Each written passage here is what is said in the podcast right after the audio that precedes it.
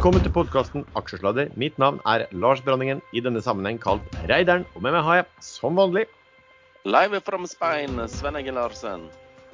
Og Jallakongen og tippeguruen Erlend Henriksen. Jaså, senor, du er i Spania, herr Larsen? Ja, rett etter forrige ukes sending så var- klarte jeg bare eh, komme meg på et fly og stikke av gårde. Så sånn er det. Men jeg skal hjem igjen i morgen. Det var i skuffelsen over at markedet ikke kollapsa sist fredag. gjorde det det? Nei, det var vel egentlig bare noen andre dårlige venner som skulle ned samtidig, så da heiv jeg meg bare på. Fløy du med Flyr? Nei, fløy med Norwegian. Ja, nei, det var det jeg fryktet, så jeg solgte mine Flyr siste uke. Ja. Da, sånn er det. Bare, sånn er det bare bjellesau på den måten, eh, Sven.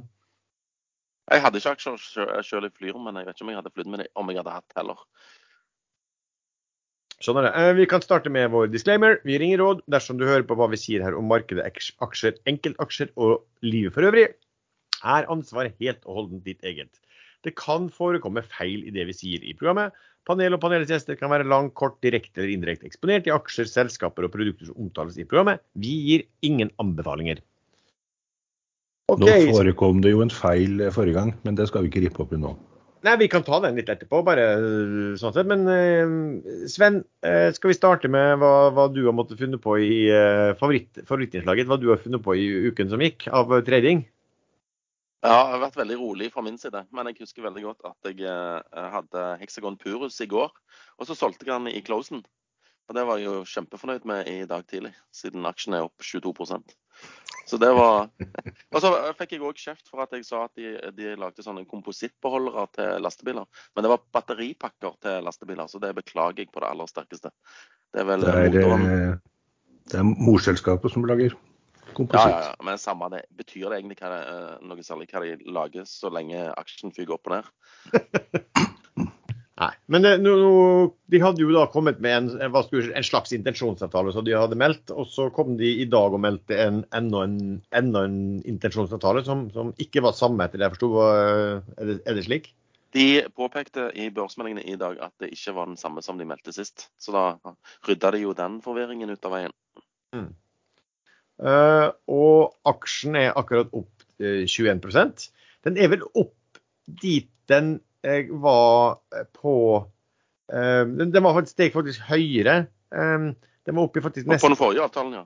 Ja, den var nesten oppe i Det- det- 28. Ja, det er litt merkelig, men det påpeker òg det som jeg eh, sa tidligere, at kommer det gode nyheter, så skal de brukes til å selge volum i aksjer. Og, og det er litt merkelig, for den forrige intensjonsavtalen var jo kjempestor, den òg.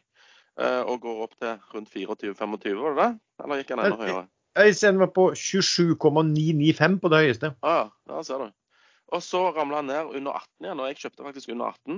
Eh, og, men jeg var ikke veldig grådig, da. Så jeg tenkte at jeg ser jo at det er masse selgere fortsatt, så jeg bare benytta en liten oppgang til å bare lette meg ut igjen. Eh, men så kom det en ny avtale, og han går opp til 22,5 nå. Så ja. Han burde jo vært mye høyere enn 27 eh, hvis dette var good shit.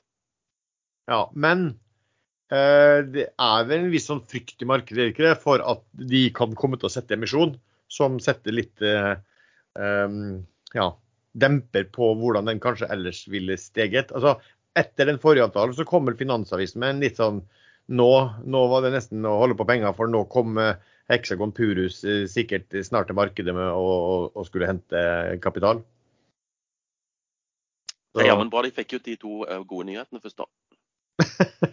Ja da, men den har jo ikke reagert så veldig mye på det. Den har jo i takt med den, den type grønne selskap har den også falt uh, ganske betraktelig da, i, en, eh, i en periode. Så det kan jo være at hvis det kommer en emisjon, at den blir uh, blant disse her blir, blir populær. Ja, Men du ser på disse andre grønne òg, med inntekter langt fram i tid, sånn som Kapsol, CO2-kapsol, Tekna, Ocean Sun og alle disse her. Hver dag er det de som dominerer taperlisten. De bare sklir, sklir ned. Ingen som vil kjøpe. Nei, og du har også sett det også på en del sånne vindkraft også. Det var vel, kommer noe fra Norge på vindkraft også, sånn, sånn offshore vindkraft som ikke var så veldig populær. Som vel ikke hjalp noe på interessen. Nei, Nei, men som sagt, jeg har tatt det rolig, rolig denne uken eh, på tradingplanet. Jeg var med i en emisjon i eh, BCS, Bergen Carbon Solutions. Og den finansierte vel denne uka, da, for å si det sånn. Så det var jo bra. Erlend, hva har du gjort? Jo, eh, som jeg sa forrige fredag, så hadde jeg kjøpt litt Flyr i håp om at den skulle dra seg opp etter eh, at eh, emisjonen, alle emisjonsaksjene var ute. Og de, de mest kjente bjellesauene, flipperne, hadde solgt seg ut allerede. Eh, og På søndag så dette veldig bra ut, for da meldte Ryanair at de ikke skulle kjøre i gang en storsatsing eh, fra Norge, men heller ta den fra Sverige og et par andre land, tror jeg. Og da var jo jeg full av forhåpninger mandag morgen at eh, kursen kom til å dra rett opp, men selv ikke det hjalp Flyr. Eh, den startet vel på 105 eller 6, og jeg holdt og håpet at den skulle dra videre opp, men så begynte den å nærme seg én krone, og da solgte jeg alt. Det hørtes helt dramatisk ut det du sa nå. 105, 106, og så rett ned til én krone. Ja, det hørtes veldig dramatisk ut, men 1,05 og 1,06 det, Å, ja. ja, ja. Hadde den vært på 105-106, hadde jeg også solgt. Men den fortsatte jo helt ned til 0,96-tallet et eller annet sted. Så det var ikke så galt å selge den da. Så var den vel opp litt over en krone i går, men ligger nå rett under en krone igjen. Så det markedet er ikke helt overbevist om at Flyr er det store ennå, så da venter jeg heller og ser hvilken vei kursen går. Hvis den begynner å falle under emisjonskursen såpass lenge etterpå, så blir det sikkert stygt. og men hvis den plutselig drar seg over, godt over en krone, så kan det godt være at jeg kjøper en. Men her må markedet bestemme seg. Uh, og så tok jeg plutselig etter hvert denne aksjen din, Lars, denne NRS. Vet du hva det står for? ja, det har jeg faktisk lært meg etterpå. og da ble jeg overrasket over at det var laks. Uh, så Norwegian Royal Salmon. Eh, men eh, da Bergen Carbon Solution kom med sin emisjon, og den åpnet eh, og var så vidt under emisjonskursen på 54 kroner, så er det en aksje jeg har hatt lyst på veldig lenge og holdt på å plukke helt opp på 70-tallet, men heldigvis gjorde jeg ikke det. Så da har jeg faktisk solgt ut alt NRS og tatt Bergen Carbon Solution i stedet. Det er jo fremdeles litt usikkerhet rundt Norwegian Salmon om det blir noe bud og hva som skjer. men det heller vel til at det blir et bud, at kursen sikkert skal langt over nå. Men um, den ble ofret, og Bergen Carbon Solution isteden. Um, og så har jeg solgt meg helt ut av innsyn. Der kjørte jeg to trades på, på et vakuumrally før den aksjen skal delistes, men jeg tapte på begge to, så da, da holder jeg meg unna nå. Den er jeg ute av.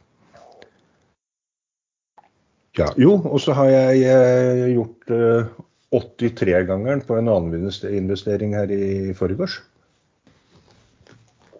Da investerte jeg 486 kroner i en tippekupong og vant 40 325 kroner.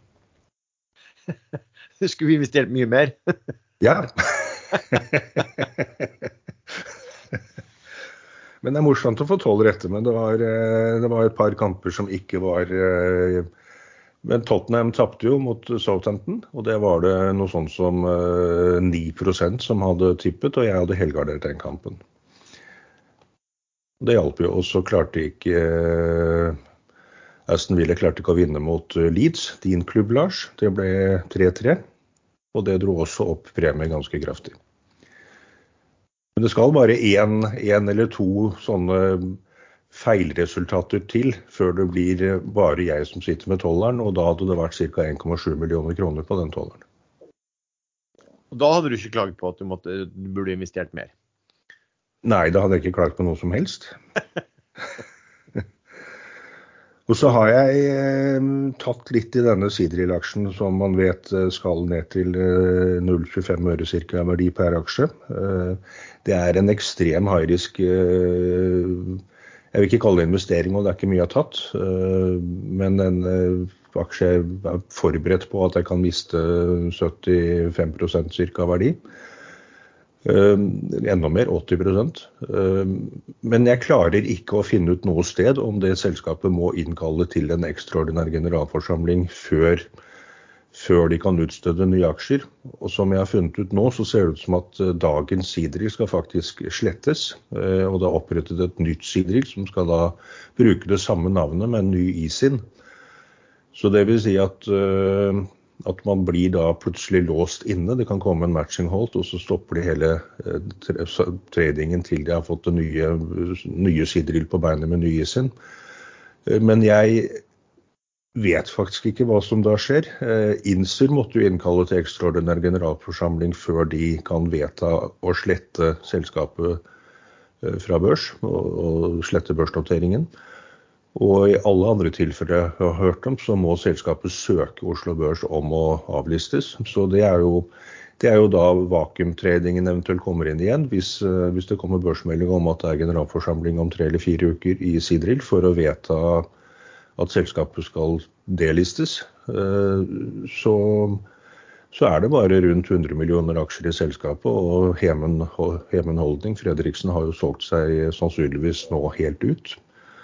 Og da er det bare sånne idioter som meg igjen, og da kan alt skje i en sånn aksje. Det har man jo sett mange ganger før. Men der, eh, der må man regne med å tape penger hvis det plutselig kommer en matching hold. Uh, du, du, tror ikke at de vakuum-casene er litt sånn på hell? Altså, det var jo en periode da, i 2020 og kanskje 2021 hvor det gikk veldig bra. Men har det ikke vært sånn litt i det siste at man har snakket mye om det, men at de faktisk altså, ProSafe ble vel aldri noe sånn vakuum-case? Det ble vel heller bare... Ja, det har egentlig ikke vært noe ordentlig hvor alt har ligget til rette. I ProSafe så klarte de å kjøre ekstraordinær generalforsamling lenge før alt var klart. Og da var det allerede, allerede vedtatt at de aksjene skulle utstedes, og derfor ble det ikke noe vacuum case i den.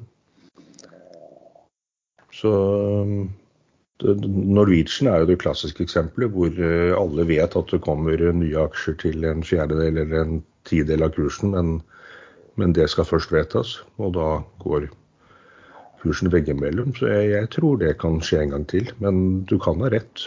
At det, den moroa er over.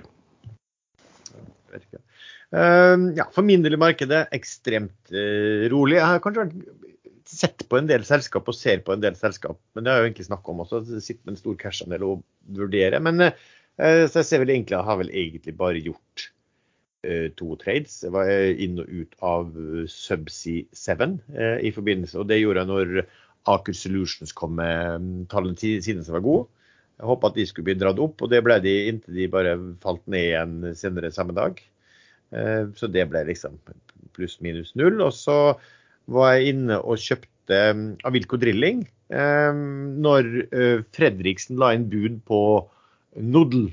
Er det Northern Drilling? Er det, eller, jeg husker aldri hva Nol og Nodl, hvilken av de som har hvilket navn. Men det var mer sånn at OK, den interessen er jo kanskje at Avilco Drilling, som på mange måter er har vel en rigg og, og, masse twister, de også. Um, at, at, de skulle bli dratt med litt opp. Og det, det slo til, da, men det var liten post. Uh, og, og, og har ikke den lenger nå. Så, um, så det også. Men du, um, Sven Fredriksen la jo inn bud på Nodel. Hvor overraska var du over at han går den veien? Nei, jeg vet ikke helt jeg, eh, om jeg ble overraska eller ikke. Men de har jo ingenting, bortsett fra en cash-andel på er rundt 7 kroner aksjen. Og så har de et krav mot uh, to verft. Eller er det to krav mot ett verft? Tror det er samme verft, er det ikke det? Ja, det er sikkert samme verft.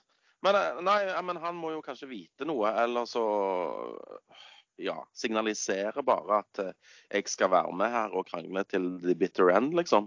Jeg vet ikke. Nei, men altså, nå var det jo sånn at de, eh, hvis jeg husker sånn noenlunde riktig, så har de altså bestilt, eh, har de bestilt rigger. Eh, når, og kansellert. Ja, når markedet var på topp. Og så har de betalt inn en del penger også eh, for at den skal bygges. Og så skulle de betale resterende da etter hvert eller senere. Og så har vi da altså, Ja. ja eh, eh, kravet tilsvarer over, godt over 100 kroner aksjen. Eh, hvis de skulle få 100% liksom, av det de krever tilbake. Eller det de har betalt inn.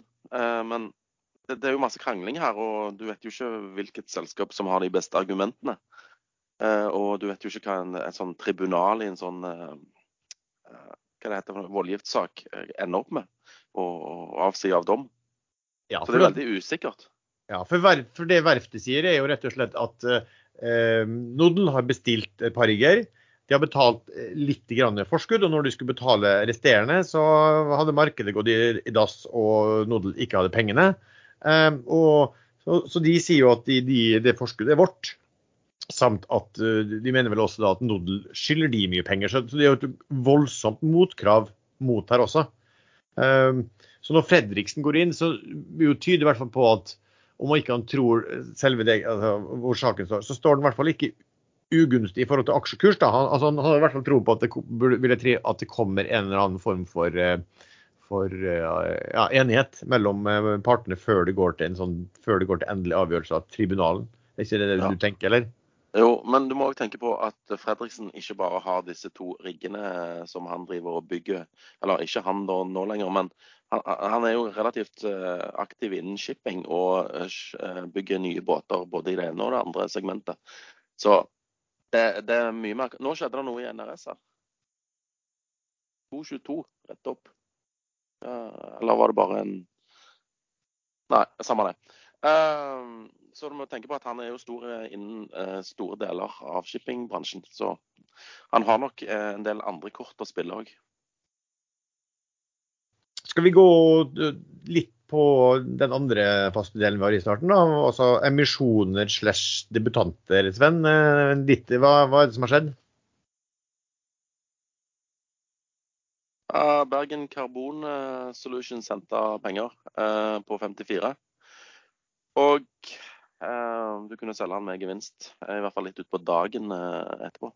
Så det benytta jeg meg av, og, og, og tjente greit med penger på den. Det syns jeg er ganske um, kjekt når du faktisk tjener penger på disse her flippegreiene. Så den var jeg fornøyd med. Ellers så foregår det jo en emisjon i Vår Energi, eh, Tigavar. Eh, der har jeg tegna meg, eh, både privat og på selskapet, men kun for 500 000 kroner. Hvor du da får eh, muligheten for 10% ekstra bonusaksjer hvis du sitter på det i et år. Noe jeg ikke lover jeg kommer til å gjøre, men jeg har i hvert fall opsjonen til det. Jeg tror det blir veldig lav tildeling. Men jeg tror retail-transjen vil få relativt sett større tildeling pga. at det er kun to aksjonærer fra før, og de trenger en god del nye aksjonærer for å tilfredsstille på det ene og det andre kravet. Ja. Har det vært en til? Det murrer litt i bakhodet at jeg har glemt en emisjon her nå. Observe Medical holder på med en uh, tegningsrettemisjon på syv kroner. Yep. Der er det mulig å tegne seg og, og eh, kjøpe retter uh, litt billigere enn aksjen hvor den handles for øyeblikket. Hvor mye tildeling fikk du i Bergen Carbon Solutions? Fikk full tildeling.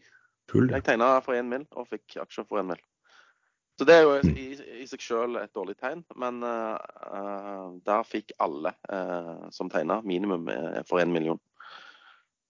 Jeg tror vel Avilko var vel med der. De tegna seg. Det, det, er jo ikke så lenge siden de gikk inn i aksjen. Jeg lurer på om ikke Avilko tegna seg for mer, eh, relativt mer i emisjonen enn hva de eide fra før. Mens Saga tegna seg vel for en 10% emisjon, gjorde det. Og de eide jo over 20% fra før, men det er jo ikke så overraskende. De, det er liksom porteføljetenkningen fra, Eh, fra deres side også. Men der var jo også mesteparten av ledelsen, hvis ikke hele styret og ledelsen, med emisjonen, så vidt jeg fikk med. Ja, jeg så noen ting om det. Jeg så ikke hvor mye de hadde tegna seg, men det, er riktig at, eh, at, Jeg så at jeg kjøpte flere enn CEO, CEO tegnet seg for, men eh, han hadde vel en prosentandel av det han egnet fra før. Eh, der kunne jeg like godt ha tegnet meg emisjonen, men jeg hadde ikke helt bestemt meg. Regnet med at det ville bli lav tildeling, så jeg tok hele det i markedet nesten to kroner høyere enn emisjonen. Men foreløpig så ligger jeg pluss. Jeg ser at Vår Energy de har vel en siste tegningsdag. Eh, hvis jeg så det riktig, så er det den 15. Eh, det er vel på tirsdag, da, i så fall. Um, og Det har også vært noen artikler om dette. Der jeg så det var vel en sånn porteføljeforvalter som liksom antydet at at OK, det var en, det var en del rabatt eh, på prissettingen her i forhold til Aker BP. Det var ikke så mye rabatt hvis du sammenligna med Equinor. Og så sa han vel at det var såpass en liten free float også at, at, at det var en del ting som rettferdiggjørte da, en, en, en, større rabatt eh, på det. Um, men ellers er det, jo, det er jo interessant. Jeg er helt enig med Sven med den altså at du har en egen transje for retail eh, der du kan tegne deg opp til 500 000 og, og, og få type bonusaksjer hvis du, blir, eh, hvis du sitter langsiktig på det. Um, det er vel mye som tyder på ja. Men retail-transjen er oppe til 2 millioner, altså. Eller 1 999 999 kroner. Og den var så høy, altså? OK. Jeg Men eh, d- du får kun eh, bonusaksjer opp til 500 000. ah, OK. Samme. Bra. Det var bra du sa. Um, men det er nok sånn at de, de vil søke og, og de vil nok ha flest mulig aksjonærer i det selskapet der. Og gjøre de er nødt til det, fordi det lærte jeg i chatten i dag. Eh, De, kravet til free float er normalt 25% og det håper de får fritak for hvis de har eh, et visst antall aksjonærer. Det blir jo bare rundt 10 pluss-minus 10 free float når de er, eh, emisjonen er ferdig. Eh, Er det noen andre? Har vi hatt noen Vi har vel ikke hatt noen debutanter å snakke om heller, har vi det? Vi, vi, får, vi hadde en vi hadde trodd skulle komme i dag, eh, Sven, men den som først vel kommer på mandag, tror jeg. Mandag eller tirsdag? Mandag, tror jeg. Uh, Og det er jo Hyon. Ja, jeg- Ja, gjelder å time det sånn at vi får en gigantisk eh, børsoppgang i indeksene samtidig. Så det er bra de utsatte.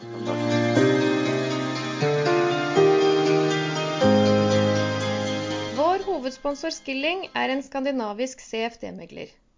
Skilling tilbyr lynrask og kurtasjefri handel i norske og globale aksjer, indekser, olje, råvarer, valuta, ETF-er. Skilling tilbyr mer enn 50 forskjellige kryptovalutaer, og har en rekke forskjellige handelsplattformer og trading-apper. Skilling trader Metatrader 4 og C-trader. Du behøver kun bank-ID, og alt kan handles med eller uten giring, long eller short, til meget lave kostnader. Skilling har nærmest fullstendig fjernet spreads på kryptovaluta, samtidig som de også tilbyr kryptohandel uten giring. Med en bitcoin-spread på bare 0,5 dollar og kryptokrutasje fra bare 0,1% er Skilling nå sannsynligvis den desidert billigste kryptomegleren på markedet. Bruker du Skilling til å trade CFD-krypto uten giring, betaler du heller ikke renter, vekslingskostnader eller bankgebyrer. Skilling har kundeservice på norsk, kurtasjefri handel i nærmest alt av finansielle instrumenter og industriens laveste kostnader på kryptohandel. Sjekk ut skilling.no om du allerede ikke har gjort det, og åpne Skilling-konto med bank-ID. Risikoadvarsel. 66% av ikke-profesjonelle kunder taper. Fullstendig advarsel på skilling.no. Lenke til Skilling finner du også i beskrivelsen til denne episoden.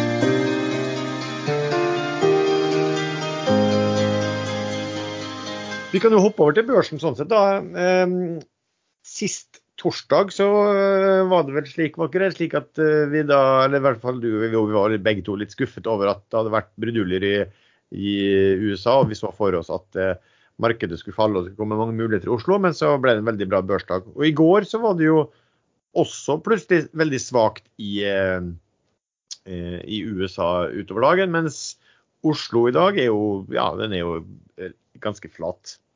Eh, Men fikk du, fikk du med deg liksom, hva, hva var årsaken i går til at plutselig USA begynte å falle en del igjen?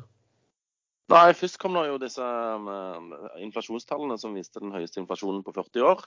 Eh, annualisert 7,5% hvis jeg ikke husker feil. Og så ja, det ble tatt imot med et gjesp, egentlig, eh, av markedet når det åpna. Og det var vel ikke før han eh, Fed-sjefen i St. Louis, eh, han som før het Bullard, som nå heter Berard, eh, ble veldig negativ og, og begynte å spå 1 renteøkning fram til eh, juli i år. Da plutselig fant markedet å ja, skal rente opp nå? Hvor, hvorfor det? så, så da ble det litt sånn uggen stemning der utover. Ja, for han snakka altså, han sa at det skulle kunne øke med 1, ett prosentpoeng innen da, da, så ville det tilsi altså, de, de bruker jo bare å øke normalt på når de har sånne møter. Og, de, og det tilsier jo da at de måtte øke en av de gangene med 0,5% Ja, det er mange som tror nå at det blir 0,5 Altså markedet tror at det blir 0,5 eh, opp. Altså 50 basispunkter opp på rentemøtet i den 16. mars i USA. Og tiåringen har jo også gått, gikk, den gikk vel over 2 i, i går. Ja, litt ned i dag, da. Den ligger rett over to nå. Det, det, men det, det som også skjedde, altså det, det har vi, vi har vært inne på det før, at de, det virker som de ulike på tilknyttet Fed er ute og signaliserer når den ene sier noen ting, og, og markedet faller litt, så kommer en annen straks på banen med eh, litt, litt anholdning til det.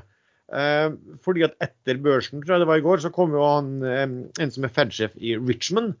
Han sa at han hadde hørt hva han andre sa om de økningene, men eh, han var litt sånn Det får vi nesten vente og se litt på. Eh, det var han ikke helt overbevist om. Han ville liksom se litt mer data på det. Så, så det, kanskje, det, var kanskje det som har roa markedet litt ned eh, eh, litt, litt, mer i dag, da.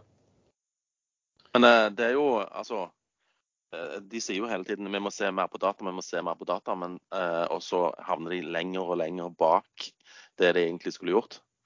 Så ja, ja, vi får se, da. Ja, for, for du, skal, du, du, skal, huske på at med den inflasjonen eh, som er da på 7 de fortsetter jo akkurat i dag å stimulere. Ja. Så de har jo ikke snudd. Men jeg så også at den eh, europeiske sentralbanken også begynte nå å bli ganske eh, mye forsiktigere i forhold til hva de bare hadde sagt for en ukes tid siden. Eh, der de også så ut som det var litt stressa. Den kanskje, den kanskje rareste kommentaren tror jeg, jeg lurer på det var han som var sjef for Bank of England, altså amerikanske sentral, nei, engelske sentral, sentralbanken, som var nesten ute og oppfordra lønnsmottakere til å ikke kreve så mye lønn.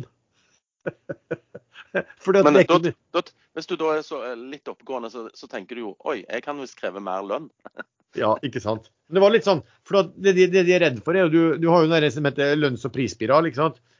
Økte lønninger medfører prisoppgang, som igjen medfører økte lønnskrav. ikke sant? De, de, er jo redd for den der, da. Men det er jo liksom å si det på den måten her det, For min del så sier du jo egentlig bare at eh, her har du lite kontroll, tenker jeg.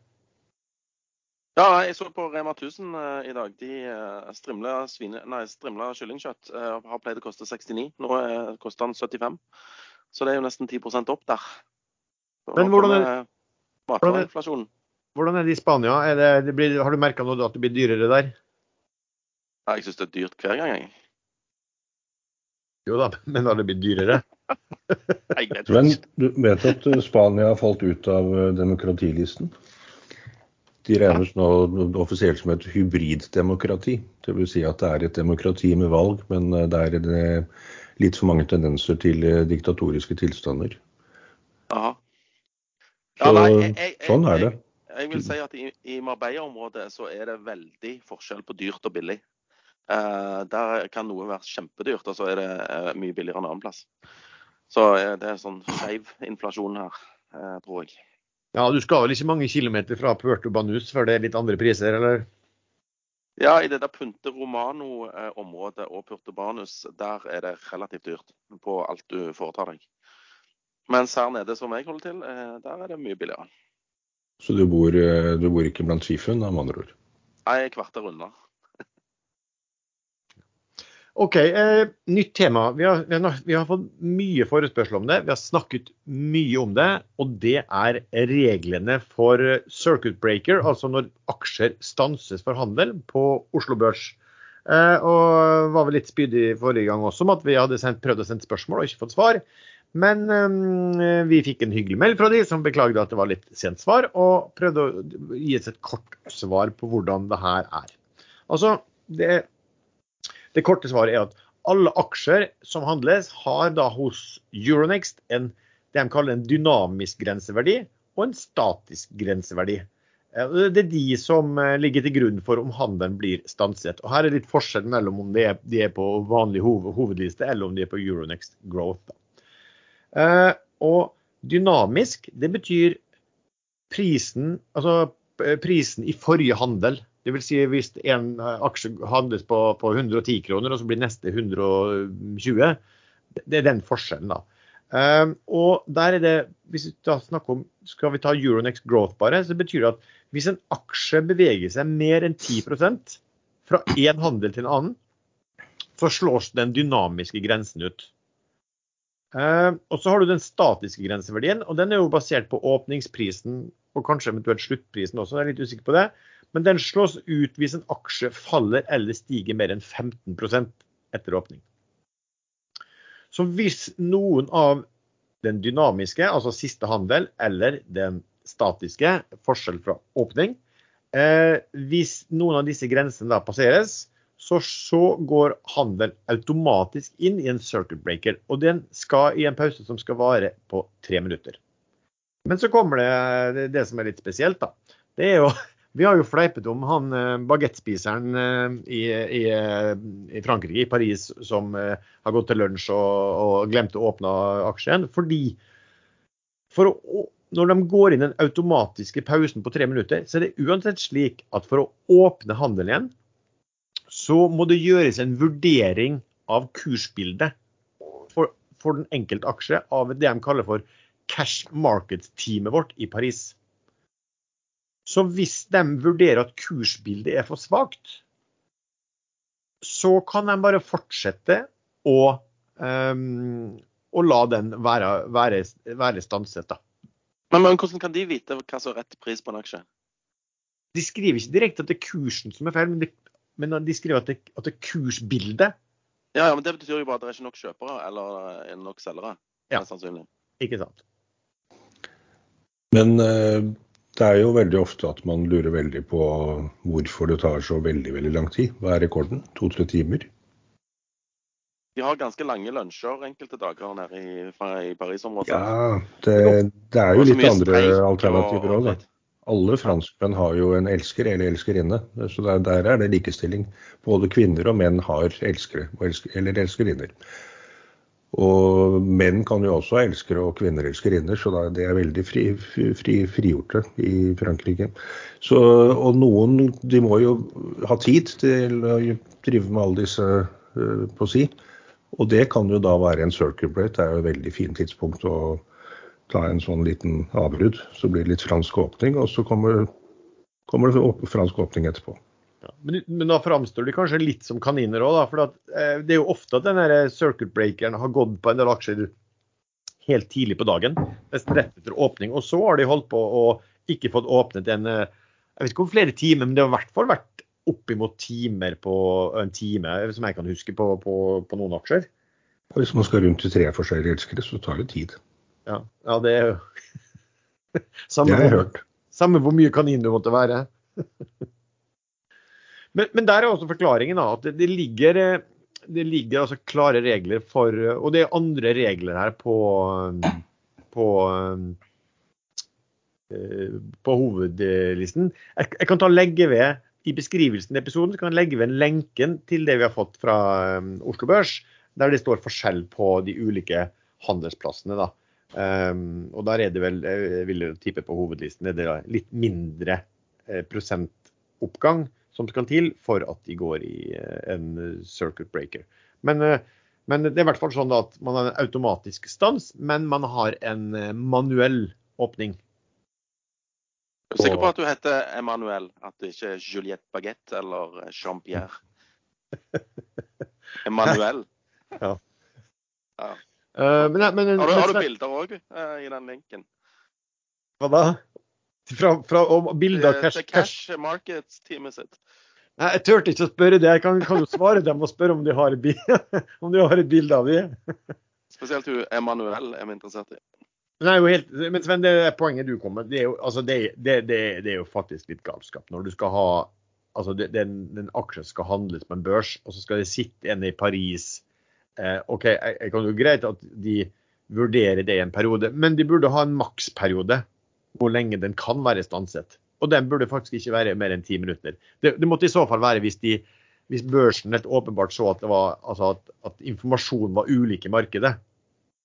Ja, men dette er, ikke, ja, nei, dette er ufordelaktig for inntjeningen til denne her Euronext òg, vet du. fordi at eh, med aktive tradere, vi liker jo volatilitet og, og, aksjer som beveger seg masse og har sånn circlebreaker. Du blir bare sittende og nistirre på den da, og gå glipp av utrolig mange andre trades som du kunne gjort i mellomtiden, hvis du hadde hatt forutsigbarhet på hva tid de åpna igjen. Så da sitter du der i to timer og gjør ikke en dritt, og så ja. Det skjerpings der nede. Du Lars, var det du som eh, dro eh, NRS opp eh, tre kroner nå etter at du hørte at jeg hadde solgt? Fem kroner opp. Hvordan er risk-reward her når han er over 2,20, liksom? Begynner ikke å rykke litt i, i salgsfoten? Jo, det, det, blir, det, blir, jo sånn, da.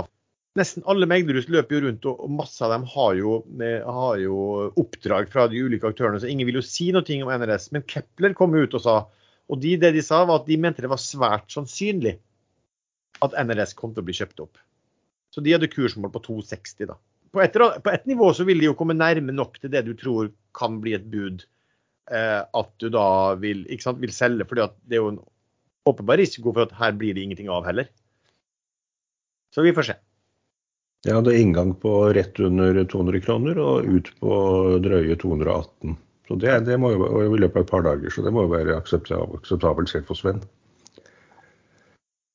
Egentlig litt for høy for høy ja, jeg syns, jeg syns dere var flinke uh, i den. Jeg har jo holdt meg unna der fordi jeg syns det var så mye rot og tull uh, at jeg bare gadd ikke å bli med. Så det var et, uh, en feilvurdering fra min side. Lett, det er lett å være etterpåklok da, også, når man ser liksom en fasit på en kurs og tenker at der burde man vært inne. Men altså, du, i, i, den casen er det liksom du, du, du har ikke visst, og vet faktisk ennå ikke hva som, hva som, vil skje, selv om kanskje en, sannsynligheten for for visse ting har økt basert på utspill som har kommet i, i media. For Hvis det ikke skjer noe, så, så har vel den NRS en tendens til å havne på ca. null omsetning i løpet av en uke, og så ramler den bare nedover. Ja, jeg tror ikke Selvfølgelig det, Selvfølgelig må man ha omsetning for å ramle ned, men uh... Nei, men skjer det ingenting, så vil jo, kanskje, vil jo aksjen falle brutalt. Plutselig og gjerne bli liggende der han var før. Uh før disse Rørvik-folkene tok opp hansken? Ja, Det tror jeg egentlig ikke. Du skal huske på at NRS har utviklet seg mye dårligere enn de ulike um, oppdrettsselskapene i en ganske lang periode. Eh, og oppdrettsselskapene har jo steget på børsen, fordi det er jo rekordartede laksepriser også. Så det, det, er også kanskje en del som man har tenkt på underveis at det, det, ser ut som hva skal vi si, bunnen da, har, blitt øk, har, har, hevet seg. Men det er klart fra dagens nivå så vil den jo falle ganske mye eh, hvis det ikke blir av. Det er åpenbart. Men hvor mye, det får man jo se på. Oljepris. Eh, det er noen av dere som, eh, som, følger med på hva som har noen tanker om, om, oljeprisen og hva OPEC måtte si og andre aktører eh, nå? Erlend? Ja, Nå har vel OPEC gått ut og sagt de skal øke er det 400 eller 500 000 fat om dagen enda en gang, etter at de gjorde det sist. Nå har det vist seg at det er ikke alle landene som klarer å oppfylle kvotene sine, men men de som har klart det, de vil jo kunne øke mer.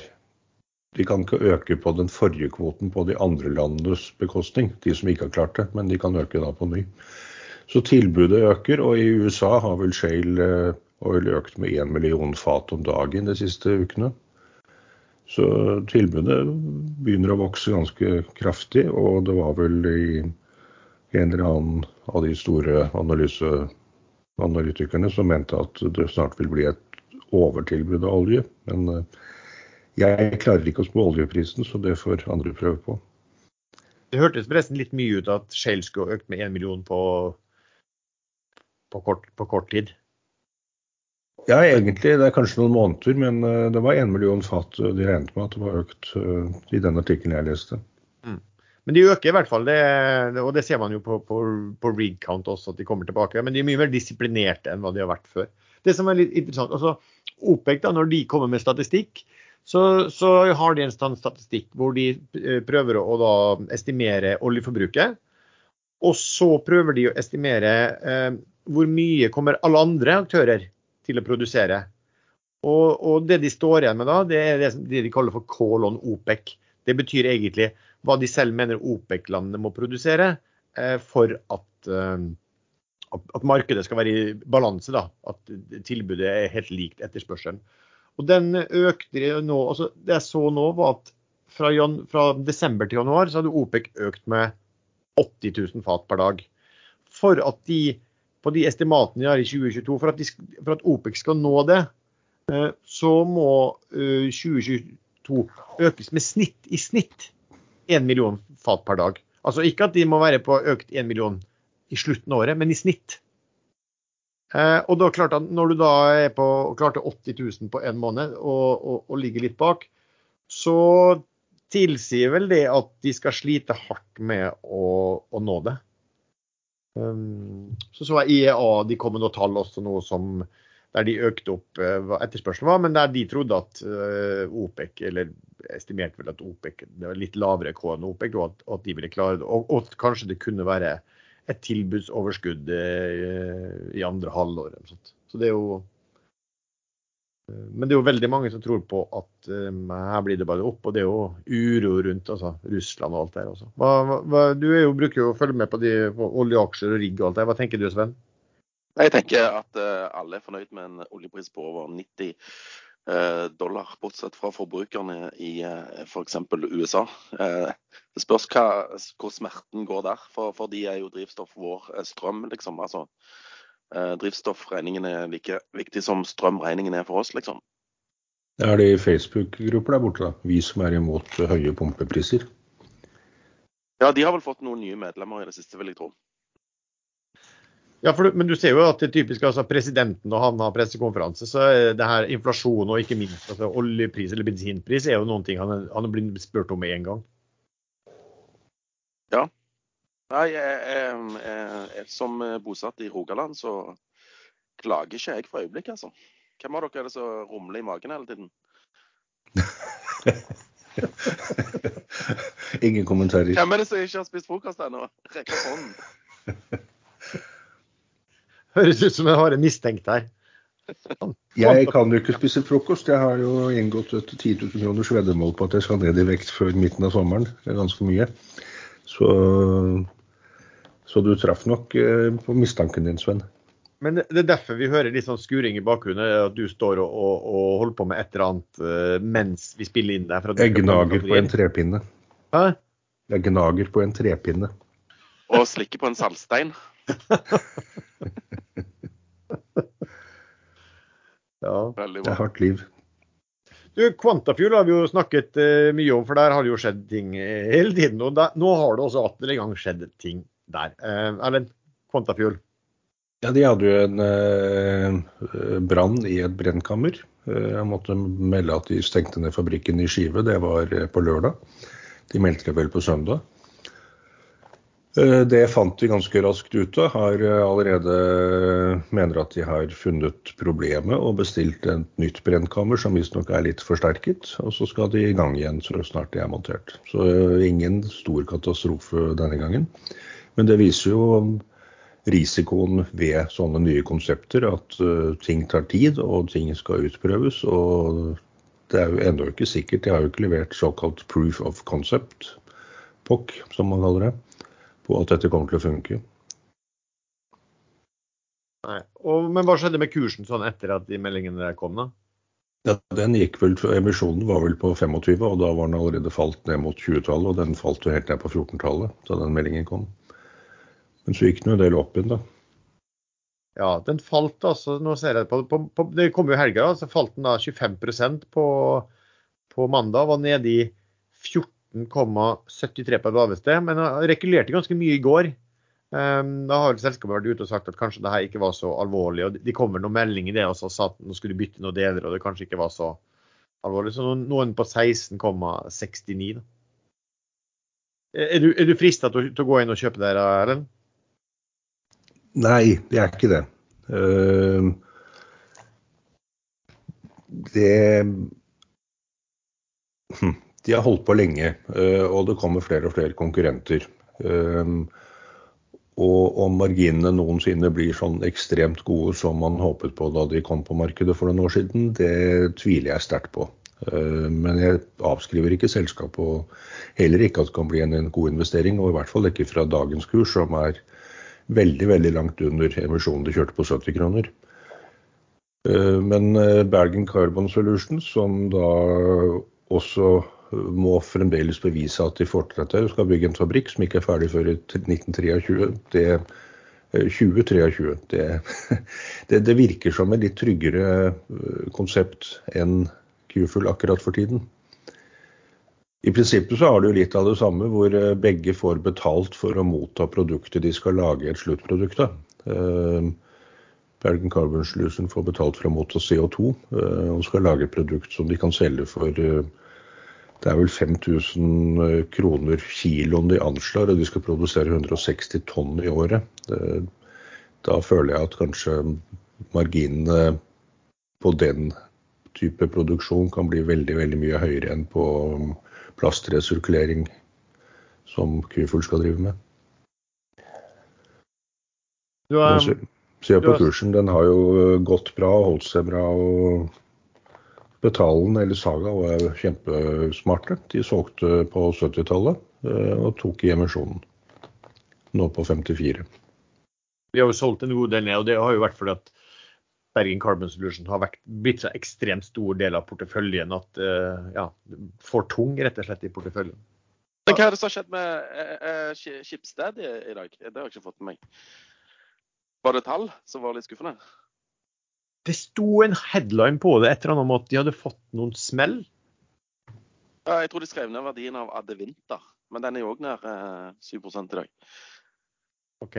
Ja. Nei, jeg har ikke Altså, men de har jo alle har visst at Adevinter har vært prisa skyhøyt, så ja. Unaturlig er det vel kanskje ikke vi har ikke helt kompetansen på disse store, seriøse. det er det som er konklusjonen. Ja, De er, de er gjennomanalysert, og de analysene tar stort sett feil uansett, så det har ikke vi noe å gjøre. vi har fått noen spørsmål da, fra, fra, lyttere. Et spørsmål her er jo da om um, shippingmarkedet. Altså, Hvor lenge tror vi oppturen varer i shippingmarkedet, og hvilket segment liker vi? Ben? Det er, jo veldig eh, selektivt hva shippingmarked eh, som er opp. da. Du har container som fortsatt har eh, forstoppelse i havner, eh, som gjør at containerratene fortsatt er skyhøye. og det ser ut som de skal være skyhøye en god stund, og rederiene får gjort langsiktige avtaler på skyhøye nivåer og deler ut skyhøye utbytter. og Formuen til aksjonærene blir skyhøy, de òg. Eh, og så har du bulkrater som har gått rett i dass, og så er på vei opp. Tankrater som er negative. Og bilfraktmarkedsrater som er på vei opp. Og Vi har jo snakka om bil, eh, bilfrakt og eh, som liksom de to vinnende segmentene, så jeg ser noe jeg ser ikke noe endring der, egentlig. Nå er vi vel òg på vei ut av denne kinesiske nyttår snart, og da er det vel venta at bulkratene skal få seg en eh, opptur, de òg. Men jeg kan for lite om shipping. Så jeg, eh, jeg bare registrerer at bilfrakt og container er det som er fortsatt er hot. Du Erlend, har du sett noe på det? Nei, eh, jeg fikk passet påskrevet her i chatten i går. fordi sånn helt generelt så har jeg holdt meg unna shipping i alle år. fordi jeg har jo, Det var noe av det første jeg så da jeg begynte, begynte på børs. Det var at shipping går opp og det går ned. Og det går gjerne motsatt av det man tror. Så jeg har eh, en sånn aversjon mot shipping, og da jeg endelig trodde jeg hadde lært litt, og MPCC vi eh, prøvde å tjene penger der, og tapte, var vel den eneste som tapte penger på MPCC i fjor, tror jeg. Eh, da skrev jeg i chatten i går at, at, jeg noe, at jeg sliter litt med MPCC fordi tankratene er så lave. Så der ser man hvor stor eh, aversjonen min mot shipping er at selv etter å ha eid den, klarte å blande inn tank i containerrederiet MPCC. Ja. Så vi overlater det til altså, Sven og deg, Hei, når selskapet heter MPC Container, så burde du kanskje skjønt at det ikke var tank? Men det, det heter jo ikke det. Det heter MPCC for, for Erlend. Ja, ikke sant? Hvordan skal jeg vite det, da? Nei, nei. Eh, men jeg, jeg, glemte hvorfor. En annen grunn til at jeg måtte dumpe NRS, var jo fordi eh, jeg ble uh, mobbet i chatten fordi jeg hadde blitt en utbytteinvestor. Det, da gikk, der gikk grensen min. Kan ikke eie en utbytteaksje. Nei. Sånn er det. På, ja, for min del på shipping, altså opptur, det er akkurat som Sven det er jo ulike segment her. Eh, tørrbulk har vel hatt veldig dårlige rater i en periode, men man har forventet at den ville komme tilbake, så kursen har holdt seg veldig bra. Nå så vel at eh, Kina skulle vel ha noen restriksjoner, at det var noe, noe, utslipp og alt det der som de skulle ha ned innen 2025, som de hadde forskjøvet nå til 2030.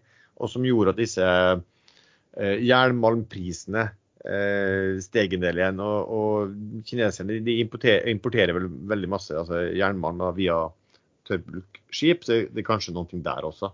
Uh, nei, konteiner er jo stående, også, og, og, disse um, bilfrakt, car carriers, de har jo gått uh, som noen raketter uh, alle sammen egentlig denne uken.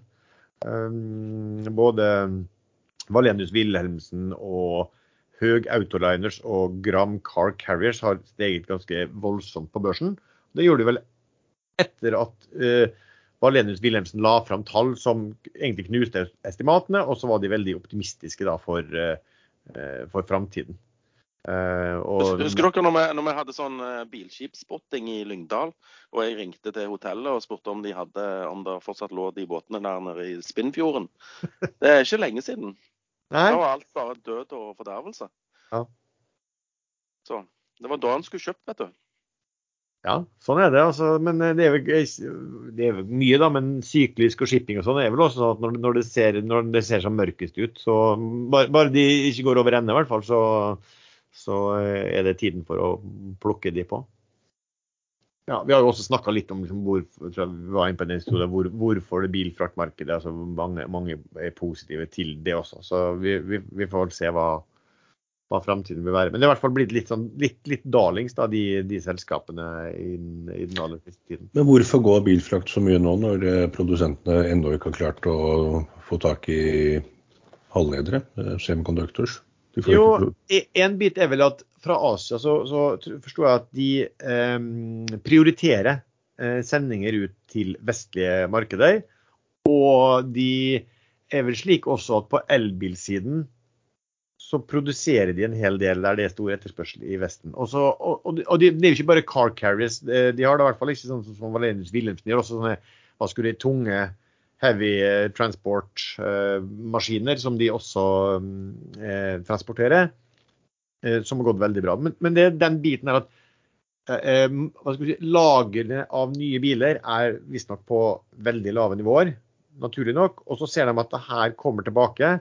Eh, samtidig som båtene allerede uansett er ganske solid eh, fylt opp, og at det lite, kommer til å være lite flåteøkning da, de neste årene.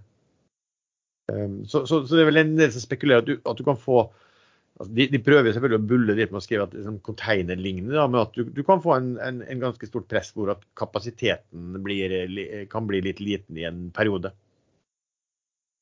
Nå må du kjøpe flyr, um, Erlend. For nå kommer det melding her at uh, Gatwick Airport to reopen South Terminal after two years. Ja, og de bruker den? Nei, jeg vet jeg, sikkert ikke. Nå driver den Bergen Carbon Solutions og jobber seg oppover her. Nå er den, på, den var oppe på 57 kroner. Ikke for å være slem, men du solgte vel på 54,5, tenker jeg? Nei, jeg solgte Jeg husker det fordi Eh, en av de dårlige kompisene mine òg tegna i den emisjonen. og eh, Han ringte og vekte meg i, i går. og Da så jeg på kursen og solgte. Eh, snitt 55,03 faktisk. Så hvis jeg hadde bare fått lov å sove da, til jeg hadde våkna av meg sjøl et par timer senere, så hadde jeg jo fått 56-57, eller kanskje 58. Den var helt oppe i over 59? Ja, riktig. Så, eh, det, var, det var en dyr vekking, for å si det sånn. Men der gjorde jeg faktisk en sånn nybegynnertabbe. Jeg hadde ikke lest børsmeldingene godt nok, og så først etterpå at det er annonsert en reparasjonsemisjon på ca. 10% av emisjonsstørrelse. Og det er samtidig gitt klar melding inn samme børsmeldingen om at den kan bli avlyst uh, avhengig av kursbildet. Og da har man jo sett veldig veldig mange ganger at uh, selskapet faktisk ikke ønsker å bruke tid på å innkalle til en ekstraordinær generalforsamling. Og dette er litt konspiratorisk selvfølgelig, men det er ikke helt umulig at uh, tilrettelegger og selskapet faktisk ønsker å pushe kursen under emisjonskursen for å slippe å bruke tid og kostnader på å hente inn 25 millioner kroner. De hentet inn 250 mill. Så det, det er sånn uh, hår i suppen for uh, selskap, disse reparasjonsrevisjonene. Uh, hallo, de, de, de, jobber ikke, altså tilrettelegger jobber ikke for å få kursen under emisjonskurs. Da har de jo misforstått mandatet sitt. Jo, men det, det, tar jo fire uker fra du innkaller en ekstraordinær generalforsamling til du får vedtatt at du kan Det vil forundre meg veldig om de aktivt jobber for å jobbe kursen ned. Ja, det er noe andre som gjør det, da. For å slippe å hente penger. Ok, Men det skjer hvert gang på gang at når det, er en, eh, når det er annonsert en reparasjonsemisjon, så faller kursen gang på gang under emisjonskursen før denne repemisjonen blir avlyst, og så stiger kursen. Det kan vel være fordi at eh, folk får kalde føtter etter de har vært med i emisjonen, og så presser de, er det de nye aksjonærene som presser kursen ned. Ja, det kan være. Men nå er kursen 2 kroner og 50 øre over da du solgte, Sven. Ja, men det gjør ingenting. Jeg har ikke, Hva er det jeg ikke har for noe? Jeg har ikke FOMO, og så har jeg ikke sånne eh, altså eh, treiden er gjort. Det er lite å gjøre med det. Det er bra. Jeg har også kommet dit. Jeg bare prøvde å mobbe deg litt.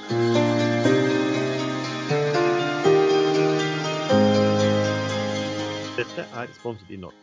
Vi ønsker å rette oppmerksomheten mot Observe Medical, en nordisk medtech-plattform med stort vekstpotensial.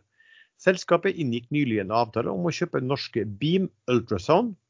Etter gjennomføringen av oppkjøpet, som forventes i midten av mars 2022, vil selskapet ha en portefølje med to avanserte og attraktive medtech-produkter. Produktene representerer nyskapende teknologi og bidrar til å redusere risikoen for komplikasjoner for pasienter. De øker det kliniske presisjonsnivået og fremmer positiv helseøkonomi. For Observe Medical er det nå videre kommersialisering og global utrulling av produktene som gjelder. Zippi er en automatisert digital urinmåler spesielt for bruk på intensivavdelinger. Beam er en unik trådløs ultralydsonde i lommestørrelse som hjelper helsepersonell å sette kateter og sprøyter med stor presisjon. Lær mer om selskapet på www.observemedical.com og følg selskapet og aksjen på Oslo Børs med tikker OBSRV. Du finner lenken til Observe Medical i beskrivelsen til denne episoden.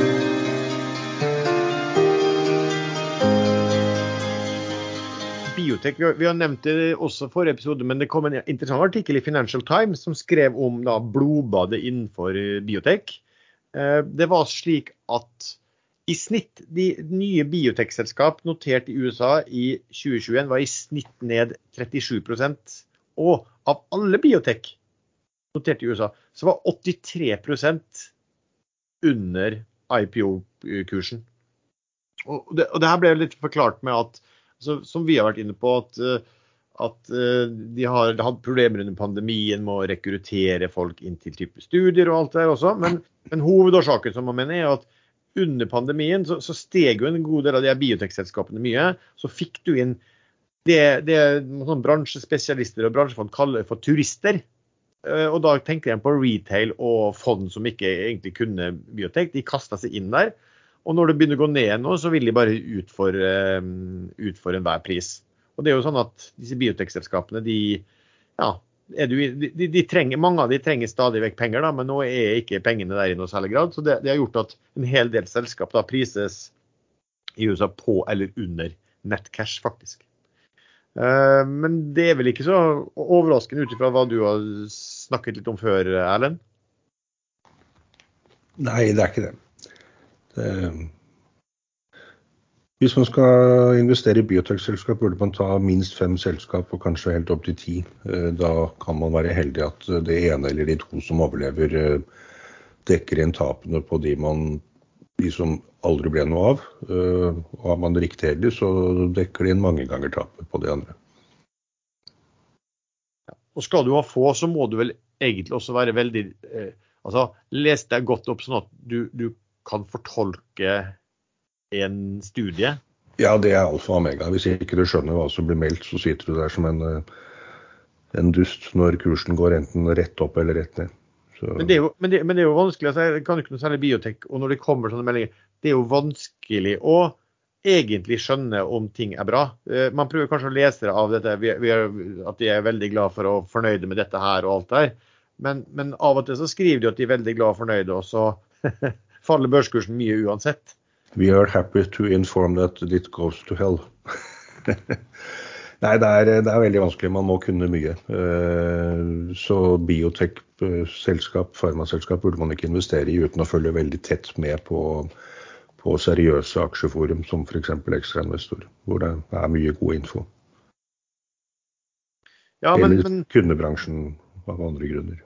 Men du Sven, du liker jo å trade mye. Du trader vel en del biotek? Altså, du, du, du, trenger ikke å tenke noe spesielt sånn uh, Du snakket jo om en del av metodikken din uh, siste episode, så du trenger ikke å se noe sånn særlig på, på selskapet som sådan når du tar deg en kjapp trade på det? Uh, nei, men når det skal sies, så jeg klarer ikke å forstå de der biotek-meldingene. når de sier sånn Altså når det kommer sånn data og signifikans og Nei jeg, jeg trenger analytikere som fordøyer det for meg, for at jeg skal forstå det. Mm. Men sånn som nå, jeg, jeg, følger med på denne her obersten, som jeg kaller den. Den uh, Observe eh, Medical. Fordi at eh, tikkeren på tegningsretten er ob obsert, og jeg leser det som oberst. så jeg har kjøpt noen retter der og tenkt å tegne meg i den emisjonen. For jeg tror den kursen i Observe kommer til å gå etter at tegningsrettsperioden er ferdig, og frem mot de nye aksjene. Men det prøvde jeg meg på i Flyr òg, og det funka litt dårlig. Men det er fordi han der uh, shortcuden uh, leverte tilbake aksjene. Men, men. Neste spørsmål. jeg har jo nevnt det før, men i PCIB, der, eh, der satt jeg uten aksjer da kursen ramla ned til femtallet for noen år siden. Og hadde vært oppe på 30. Du var også litt inn og ut av den, Sven. og Da visste man at det de holdt på med potensielt kunne bli mye verdt. Og da den var på femtallet, da kom det en melding som jeg leste øh, og tolket veldig positiv, og hadde rett i det. Og hadde da ca. 20 minutter på meg på å plukke det jeg klarte, og selge unna andre aksjer og plukke enda mer. Og jeg fikk helt rett. Kursen dro langt over 10, og jeg solgte på 10,80 i snitt. Og så ble jeg ordentlig irritert etterpå fordi den gikk til 44. Men nå er den nede på femtallet igjen. Eller var i hvert fall det her om dagen. Jo, men nå er jo metoden deres eh, gått ut på dato fordi at noen andre har kommet dem i forkjøpet, så vidt jeg har forstått. Ja, på det ene linje, produktlinjen var vel det, så den la de ned. Og, men har de Det var det som skjedde sånn... forrige gang også, da den falt til fem. Da la de også ned en hel produktlinje. Ok, Men har de flere eh, kaniner i hatten? Ja, de har noe, noe vaksinegreier, tror jeg, men jeg har sluttet å, å følge dem tett. Det er vel noe sånn uh, immun, immuniseringsbehandling via vaksine, et eller annet sånt. Ja, de har flere, de har vel et par til. Men jeg tror vel at de, hvis jeg husker riktig, så har de kommet vesentlig kortere enn den de, nå, den de la ned nå, var den kanskje at meglerhusene hadde, hadde mm. tilsatt særlig verdi på. da. Men det betyr jo at, at drømmen fortsatt kan leve. Ja. Eh, men det sier noen bull, bullmeldinger, så er vi i gang igjen. Ja, bortsett fra at akkurat nå så er det, det er jo altså, når hva skulle du si, synet på biotek da, fra markedet er såpass gloomy som det, så er det kanskje litt vanskelig å, å få dratt dem noe sånn veldig opp også på det. Men det kan jo snu seg fort, det. da, for det er jo en del av de som, som noen, noen, vil jo lykkes med eh, det, det, det er jo en sånn bransje at noen lykkes og, og får den store gevinsten, mens mange eh, ikke lykkes. Men de trederne som plukket PCB eh, etter emisjonen, da falt den ned under fem kroner. Den gikk jo til over åtte. Så der fulgte ikke jeg med i timen i det hele tatt. Men eh, er man en dyktig treder, moment-trader, så kan man ta sånne gevinster. Men nå er den da nede på 5,90. Du, skal vi se hva andre spørsmål vi har fått da fra leserne. Her er jo en som er litt, litt morsom. Uh, det skrives mye på, på diverse forum skriver jeg nå, hvor reelt dette er med, liksom, med market makers. Da og da tenker han ikke på sånn meglerhus market men market som herjer i aksjer, og andre mørke krefter som ofte blir omtalt på diverse forum i tilknytning til kursbevegelser. Sven, hva tenker du? Nei, Da fulgte ikke jeg med, for jeg fikk akkurat en e-mail med strømregningen her i Spania. Og sette opp Facebook-gruppe. Ja, uh, ja, jeg vet ikke. Jeg var på spansk òg. Jeg må ta det litt senere. Uh, uh, nei, jeg tror det er veldig mye konspirasjonsteorier på at den og den prøver å gjøre sånn og sånn for å få kursen dit og dit. Jeg tror bare tull. Jeg tror det er markedskreftene som er i sving. Jeg. Det kan ikke uttale meg, for jeg kom akkurat med min egen konspirasjonsteori om Ja, den, den, var, den var dårlig, syns jeg. Den med at eh, tilretteleggerne presser ned kursen for å slippe å jobbe og tjene penger. Nei, det hørtes ja, jeg, jeg ser den argumentasjonen. Jeg gjør det. Nei, tror, Det er for mye spekulering. At, eh, og, og, og, folk tror at eh, det sitter noen sånne onde folk og shorter aksjen din ned. Nei, det er bare aksjen din som er dritt, ikke sant? Altså, det, det, bare, av og til må du innse at du har tatt feil.